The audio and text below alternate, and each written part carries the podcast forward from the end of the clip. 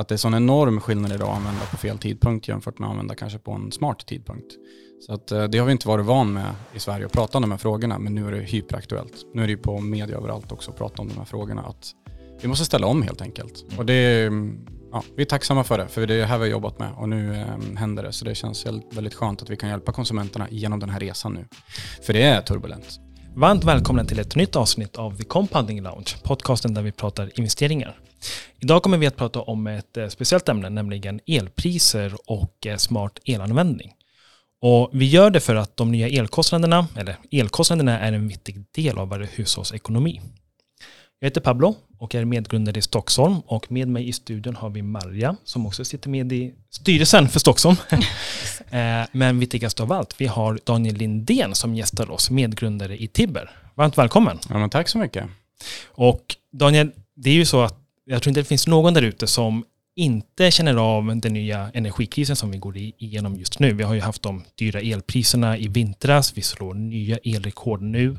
Så därför är vi jätteglada att du vill vara med och gästa oss. Mm. Ett superintressant ja. ämne verkligen. Låt oss djupdyka. Yes. Ja.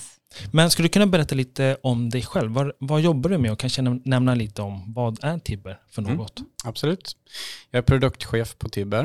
Eh, en av grundarna var det bolaget. Vi var två stycken som grundade 2016. Tibber är ju en digital elleverantör som hjälper konsumenter att använda el på ett smart sätt. Och till skillnad från klassiska elbolag så tjänar vi inga pengar på att sälja el, vilket är liksom en så här äh, kontrovers. Ehm, så varför startar man ett elbolag om man inte vill tjäna pengar på att sälja el? Jo, det är därför att så borde det vara. I grund och botten handlar ju energianvändning av någonting man behöver. Och eh, när man tjänar pengar på att sälja mer el, då vill man inte hjälpa konsumenter att bli smarta och använda mindre heller. Nej. Nej. Så den affärsmodellen känns ju ganska dinosaurielik i dagsläget. Ja, och eh, omiljövänlig. Ja, men absolut. Så att hela vår hypotes var det att kan vi skapa en produkt som inte tjänar pengar på el, utan istället tjänar pengar på att hjälpa konsumenter att använda det smart och mindre. Mm. Så det är det vi har jobbat med de senaste åren väldigt framgångsrikt. Vi har en halv miljon kunder nu i Sverige, Norge, Tyskland och Nederländerna. Stort och grattis får man ju säga. Ja, tack. Jag kan ju eh. tillägga att eh, en av de två kunderna är jag och Levi, eh, en av våra andra medgrundare i Stockholm. Ja, Han värvade mig och eh, jag har värvat tre andra. Eh, för man, man märker ju direkt hur bra appen är och eh, Eh, hur man kan göra för att sänka sina el, sin elförbrukning eller göra elförbrukningen smartare. Och det som folk märker just nu det är ju det att de stora skillnaderna från, från elpriset, hur det skiljer sig från dag och natt. Mm. Att det är sån enorm skillnad idag att använda på fel tidpunkt jämfört med att använda kanske på en smart tidpunkt. Så att, eh, det har vi inte varit van med i Sverige att prata om de här frågorna, men nu är det hyperaktuellt. Nu är det ju på media överallt också att prata om de här frågorna, att vi måste ställa om helt enkelt. Mm. Och det är, ja, vi är tacksamma för det, för det är här vi har jobbat med och nu eh, händer det. Så det känns väldigt skönt att vi kan hjälpa konsumenterna genom den här resan nu. För det är turbulent. Vad beror, vad beror den stora skillnaden på mellan liksom eh, lågt, lågt pris och högt pris? Är det, vad beror prisskillnaden på helt enkelt? Ja, alltså den enkla förklaringen är att vi har olika, vi behöver olika mycket energi på olika tidpunkter mm. och vi har olika mycket elproduktion på olika tidpunkter. Så när de här matchas med varandra så sätts prisbilden. Men den längre förklaringen är det att priset sätts ett dygn innan. Eh, vilket gör att man samlar ihop alla elproducenter och så frågar man dem hur mycket kommer du kunna producera på alla de här timmarna och vad vill du ha betalt för att producera elen på den timmen? Och så sen så ställer man liknande frågor till alla elbolag som ska sälja el och så säger man hur mycket el behöver dina kunder de här timmarna? Sen har man då en marginalprissättning så att de här kurvorna mäts, möts på alla timmar och skulle det visa sig så att vi behöver väldigt mycket el och vi har väldigt lite med billig el, då går liksom på priskurvan upp hela tiden tills vi kommer till de extrema nivåerna och det är då det blir 10 kronor kilowattimmen när vi måste starta ett oljeeldat kraftverk nere i södra Sverige för att mätta liksom den där utbudskurvan. Och det sjuka är ju att vi nu har vi kablar som spänner ut över hela Europa. Så att eh, nu tar vi producenterna tillfället i akt att såklart exportera så mycket som möjligt. Så nu är det inte bara hur mycket vill Sverige ha el, utan också hur mycket behöver Europa. Så vi ser till nu att exportera så mycket som möjligt och det är det som pressar upp prisbilden kan man säga. För nere i Europa är de beredda att betala vad som helst för vår el nästan till. Okay. För man hör ju att vi har så mycket el och vi lägger ner kärnkraftverk och vi exporterar ut el ut från Sverige. Mm. Borde vi inte då ha billigare priser tänker man eller ha mer el att tillhandahålla? Ja, till viss del kan man tänka sig det. Nu kommer den här politiska debatten in också. Vad ska vi göra? Det är, Mm. nu, partiledardebatterna kommer ju cirkulera väldigt mycket kring det här kring valet. Vad, hur ska man lösa den här frågeställningen? I grund och botten, Sverige har väldigt mycket el. Vi har mer el än vad vi kan göra av med på ett år. Men vi har inte tillräckligt mycket el för att täcka alla timmar under hela året. Utan det kommer komma tillfällen under, under vintern primärt då vi inte har tillräckligt mycket el. Och då måste vi köpa tillbaka det från um, andra delar av Europa. Och tack vare att vi har den försäkringen så gäller den omvänt också. Och Mm. Nu har de kort om el och då vill de ha el från oss. Och då blir den prisbilden inpressad då i, i svenska marknaden. Och det är det som driver upp priserna primärt just nu. Och det har att göra med att gas, eh, som ni känner till, är ju en ganska um, problematisk frågeställning för att den kommer från Ryssland. Mm. Och eh, ryska ledningarna, de stängs ju av nu. Eh, det som har skett de senaste dagarna är ju det att eh, den sista kabeln som går ifrån eh, Ryssland till Europa, eh, den som vi kallar Nord Stream, Nord Stream 1 och Nord Stream 2. Tvåan gick aldrig igång, för det var ett sånt politiskt projekt som det aldrig gick att, att köra igång här strax innan eh, gaskrisen. Men nummer ett, den är fortfarande igång, men nu stängdes den av. Mhm. Eh, på grund av underhåll, hävdar man då från ryskt håll. Ah. Ehm, och det gör att vi har otroligt kort med gas i Europa. Och då går priserna skyhögt. Så det är det som är bakgrunden till största del av de stora höjningarna. Ja, jag skulle säga det. Skulle, vi, ehm, eh, skulle Europa vara ett bättre skick just nu och inte Tyskland och, och de här länderna behöver mycket mer eh, el från oss exporterat så skulle inte vi se de här priserna som vi ser just nu. Men det kommer ju komma tillfällen i vinter då vi också behöver el Ja, Mm. absolut. från Europa.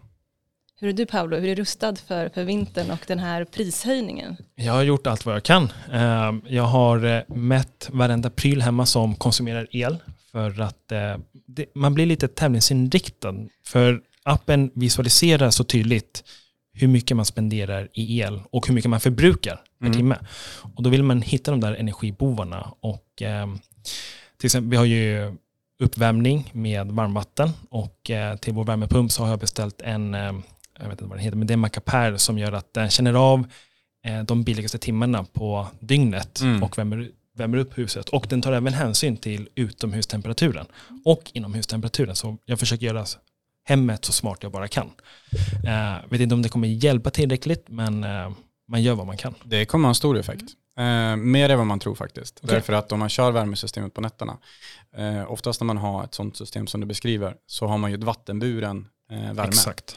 och det är trögt. Mm. Så det betyder att om man tankar in mycket värme så håller det där sig väldigt länge i huset.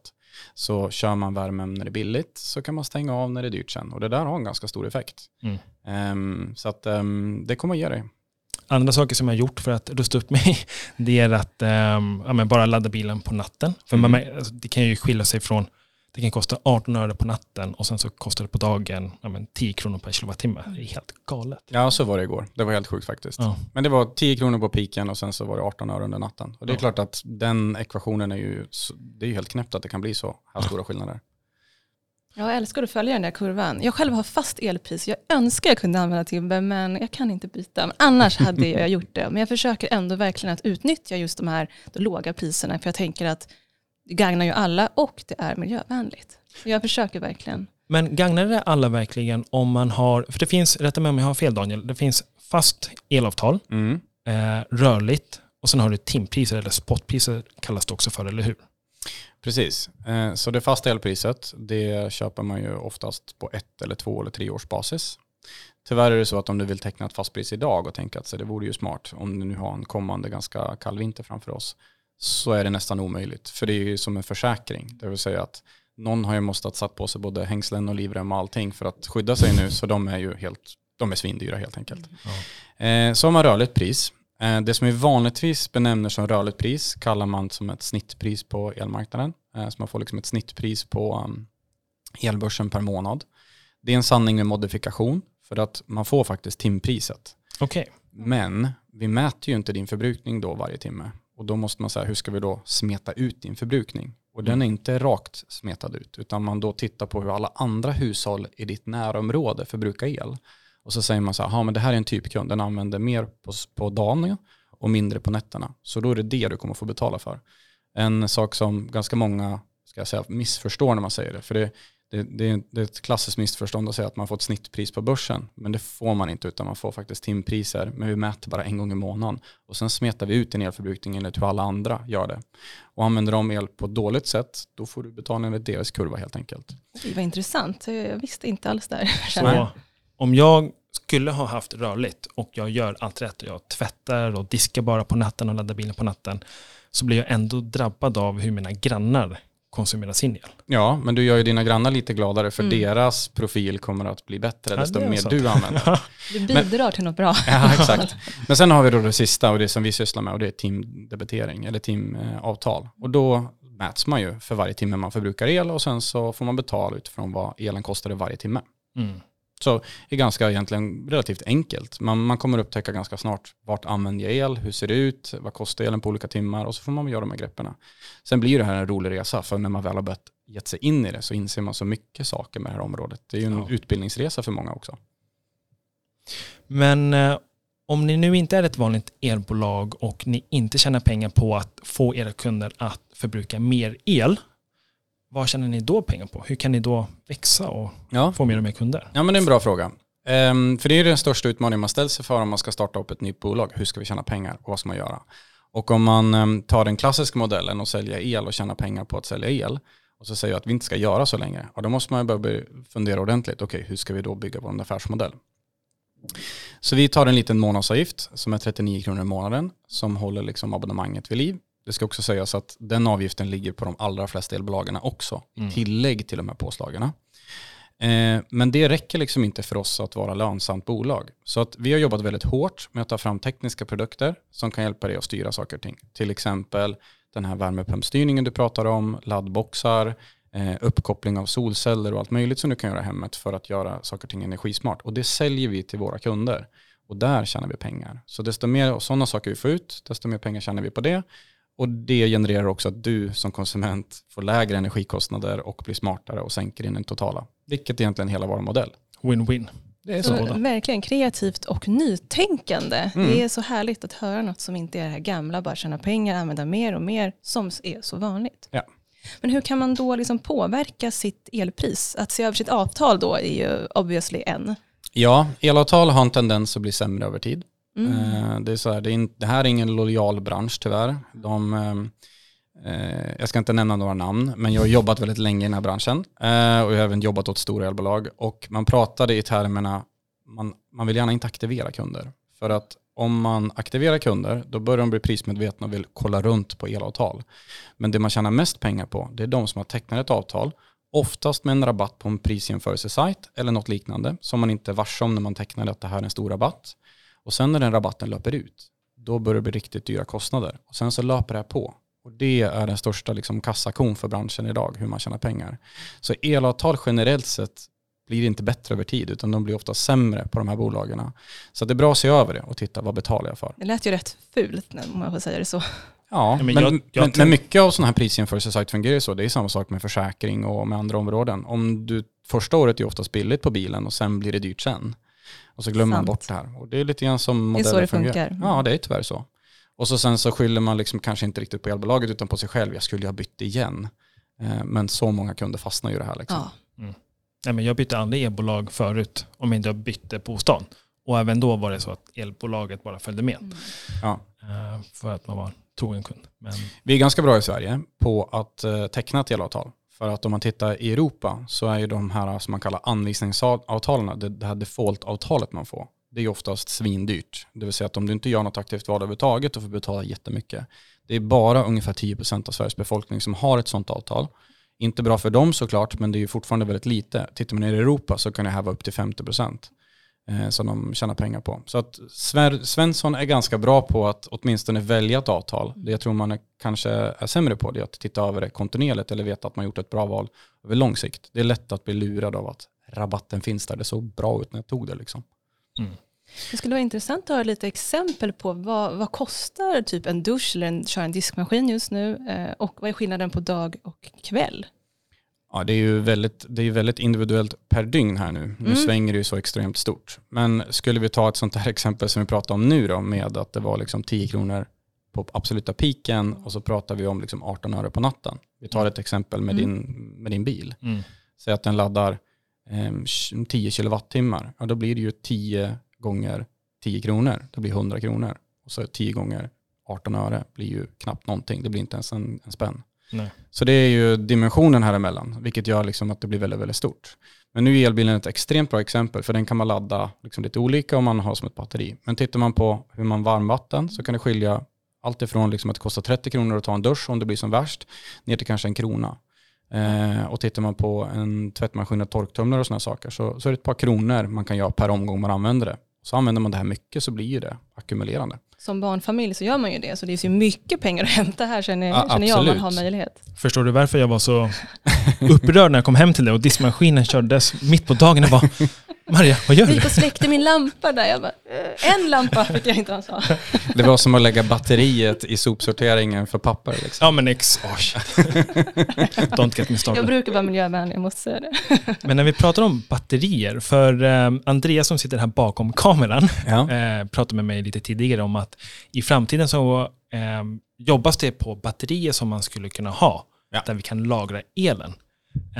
För visst stämmer det idag att all el som produceras måste ut i alla eluttag? Mm. Det är ju liksom, det är det som gör en el specifikt så, så speciellt. Det är alltså ex, samma sekund som vi producerar elen så måste den konsumeras och vi Mm. kan liksom inte lagra den. Och om det blir obalanser mellan de här två, då påverkar det elnätet. Och skulle det bli stora obalanser, då går alla våra elektriska prylar sönder. Så att ehm, faktiskt i, i realtid, hela tiden, så sitter man och monitorerar i styrrum över hela Sverige. Har vi rätt frekvens på växelströmmen? Så då vill man ha 50 hertz hela tiden i strömnätet. Skulle det sen visa sig att vi börjar avvika från det här på grund av att vi börjar producera för mycket eller konsumera för lite jämfört med prognosen, då slår man en signal till vattenkraftstationen och säger att nu måste du stänga dammluckorna för nu har vi ett läge där det här börjar bli konstigt eller åt andra hållet. Och det här gör man hela tiden. Och eh, den spännande utvecklingen då, och nu är vi tillbaka till batterier, det är det att batterier är smarta för de kan ju lagra energi både i nätet men de kan också lagra kanske i hemmet då. Om man har stora batterisatsningar ute på nätet eller om man har ett hemmabatteri så kan man ju vara smart och ladda upp de här batterierna på dagen eller på natten och sen använda det på dagen. Eller om man har sol på taket så laddar man in det där och använder. Men de här kan också hjälpa till att balansera nätet. Just det. För de skulle kunna hjälpa till då säga, istället för att man säger att öppna den här dammluckan och stäng den här dammluckan så säger man åt batterierna att börja justera det utifrån de här frågorna. Så man börjar liksom ladda ur lite grann och tankar in lite grann på rätt tillfällen. Och det blir liksom vad man kallar systemtjänster. Så det hjälper liksom hela systemet. Och den viktiga frågan med det, det är det att vi har historiskt sett haft jättemycket med elproduktion som bygger med turbiner. Och turbiner har en fysisk egenskap att den tvingar tillbaka det här i 50 Hz hela tiden. Så vi får liksom en fysisk effekt att den hela tiden försöker få det. Så byter vi ut dem mot solceller och vindkraftverk som inte är planerbara, för de fungerar ju bara när det är sol ute och det blåser vind. Och så producerar de inte den här äh, fysiska egenskapen att den kränger tillbaka. Så svängningarna i nätet börjar bli större och större. Och till slut kommer det här bli ett jätteproblem för energisystemet att, att behålla sig. Så att faktiskt är det så att alla de här sakerna vi kopplar upp kommer måste bli en del av ett stort ekosystem som ser till att hålla det här i schakt. Annars kommer det inte fungera. För när vi ska gå över till ett förnyelsebart samhälle, då ställs det helt andra krav på också hur vi använder el. Oj, vad intressant. Sånt man inte har, tänkt på. Hur- långt bort tror du att vi är från att ha ett batteri i hemmet som, som man kan ladda upp? Det går att köpa redan idag. Eh, Jag skulle säga att det, jag tror att det är massmarknad inom två till tre år. Okej. Jag skulle, för eh, ett antal år sedan om man spekulerar så sa man nog att det var väldigt långt borta. Men med de elpriserna och den energikrisen vi har i Europa så kommer det här gå hur fort som helst. Så då kommer jag kunna köpa en sån i Tibber, webbshoppen. Absolut. Coolt. Mm, Det behöver jag. Det kommer behöva. Vad finns det för tips här till, till vintern nu när priserna kommer att öka ännu mer och eh, elanvändningen ökar mer till, till våra lyssnare, till konsumenten som kanske har lite begränsad ekonomi. Vad kan man göra själv? Ja, den, den första eff- effekten man får tänka är så här, kan jag göra mitt liv mer energieffektivt på något sätt? Kan vi använda el bättre, det vill säga att jag kan sänka min inomhustemperatur? Har vi saker och ting som vi faktiskt inte har tagit tag i, inte frostat av frysen, vi har inte kanske isolerat de här sakerna som borde göras. De enkla tilltagen som faktiskt skulle ge effekt. Förut skulle jag säga att det var en sak som du borde tänka på att göra nu till vintern kommer det vara kännbart om du slösar med el. Det kommer att bli tydligt för dig att det kommer att kosta mycket mer pengar. Så de här sakerna är värda att göra nu innan det blir vinter. Eh, och de som sitter där hemma och har en väldigt gammal värmepump och funderar på om man ska byta det, så kan jag säga att ledtiderna på en värmepump idag är jättelånga av den här energikrisen. Så nu är det dags att beställa. Det är dags att vara proaktiv i den här frågan. För skulle värmepumpen gå sönder och så får du köra på elpatron hemma. Och du kan tänka hur en hel vinter med elpatron skulle kosta. Det blir mm. tufft. Så att, se till att ha de här grejerna i schack. Nu har du tid att titta över de här sakerna och liksom se att det, det, ser, det ser bra ut. Det skulle vara mitt bästa tips. Jättebra tips. Och jag tror att med det tipset så behöver vi nog börja runda av. Men eh, får vi tacka dig för att du ville komma och gästa oss. Och har vi följare eller lyssnare som har frågor eh, vad de skulle kunna göra för att förbättra sin elkom elkonsumtion ännu mer. Var kan de kontakta er på Tibber eller är det bara kunder som kan kontakta er? Eller? Nej, vår hemsida är öppen, det finns en chatt där. Eh, vår kundtjänst är helt enkelt svinbra på det här. Så att, eh, vi hjälper gärna till och, berätta vad man kan göra och hjälpa till med den här resan. Så att, eh, ni är så välkomna till oss så hjälper vi. Härligt, tack. Och eh, tack för att du lyssnade på The Compounding Lounge.